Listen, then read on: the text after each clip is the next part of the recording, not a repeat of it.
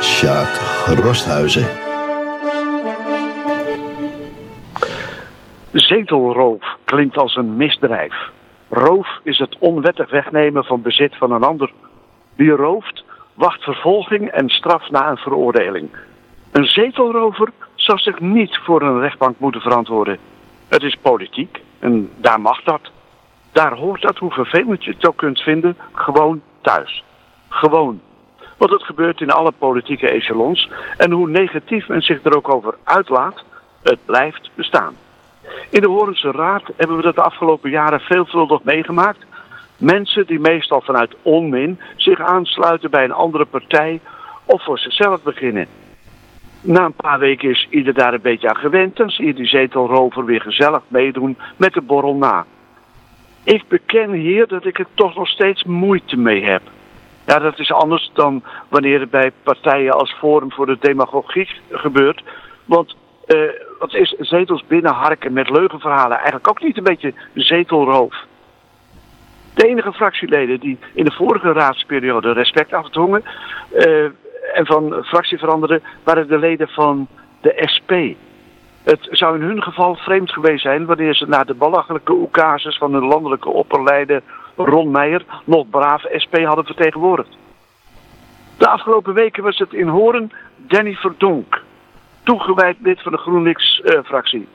Hij is zetelrover geworden en daar is niet iedereen blij mee. Wat er precies is voorgevallen wordt in het openbaar niet uitgedragen. Wel dat het al enige tijd niet meer boterde tussen Danny en de rest van de fractie. Hem werd duidelijk gemaakt dat verder gaan op die manier niet meer acceptabel was. Danny trok zijn conclusies en bewees over een plusvast karakter te beschikken. Hij gaat een overlegrelatie met PvdA aan. En hij zal later laten weten of hij nog zelfstandig zal blijven of zich bij een bestaande fractie aansluit. Wanneer hij rondtoetert dat hij het GroenLinkse gedachtegoed zal blijven koesteren, dan lijkt dat op twee zaken te kunnen wijzen. Of Danny vindt dat de GroenLinkse fractie in het samengaan met minder linkse fracties in het college het mooie gedachtegoed verkwanselt, wat hem eigenlijk verheft tot de redder van wat toch een beetje GroenLinks zou kunnen zijn in de Horense Raad. Of het bestempelt hem als een eigenwijs mannetje dat van het voorbeeldige Nederlandse polderen geen kaas gegeten heeft.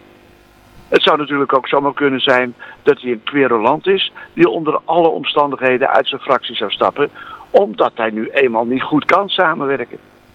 In dat geval doet de PvdA er verstandig aan om eerst maar eens aan te zien of het met hem samen te werken is. De gretigheid waarmee fracties zichzelf zien vergroten, uh, kan risico's opleveren. En in hoeverre heeft een zetelrover recht op de zetel die hij of zij rooft? In veel gevallen kan een zetelrover zich niet beroepen op een vracht aan voorkeurstemmen. Danny Verdonk kan dat ook niet. De aspirant rover zit in de raad omdat een deel van de kiezers graag ziet dat die partij zetels wint dankzij hun stem. De meeste kiezers kennen de mensen die lager op de lijst staan niet of nauwelijks. En ik moet de eerste kiezer nog ontmoeten die bij het stemmen zegt... nou, en als je eens een keer als raadslid een beetje een andere kant op wil gaan... dan mag je dat best doen. De zetel is bedoeld voor een fractie en minder voor de persoon die erop zit. Alleen mensen met een aantal voorkeurstemmen die meer dan genoeg zijn voor een eigen zetel, zouden met de roof kunnen wegkomen. In de Horense politieke wereld wordt ruilen van fracties zo vaak gebezigd dat kiezers bij een volgende stemronde wellicht kunnen denken dat stemmen op een speciaal bij de eigen inzichten passende partij weinig zin heeft. De dames en heren politici hebben daar toch maling aan.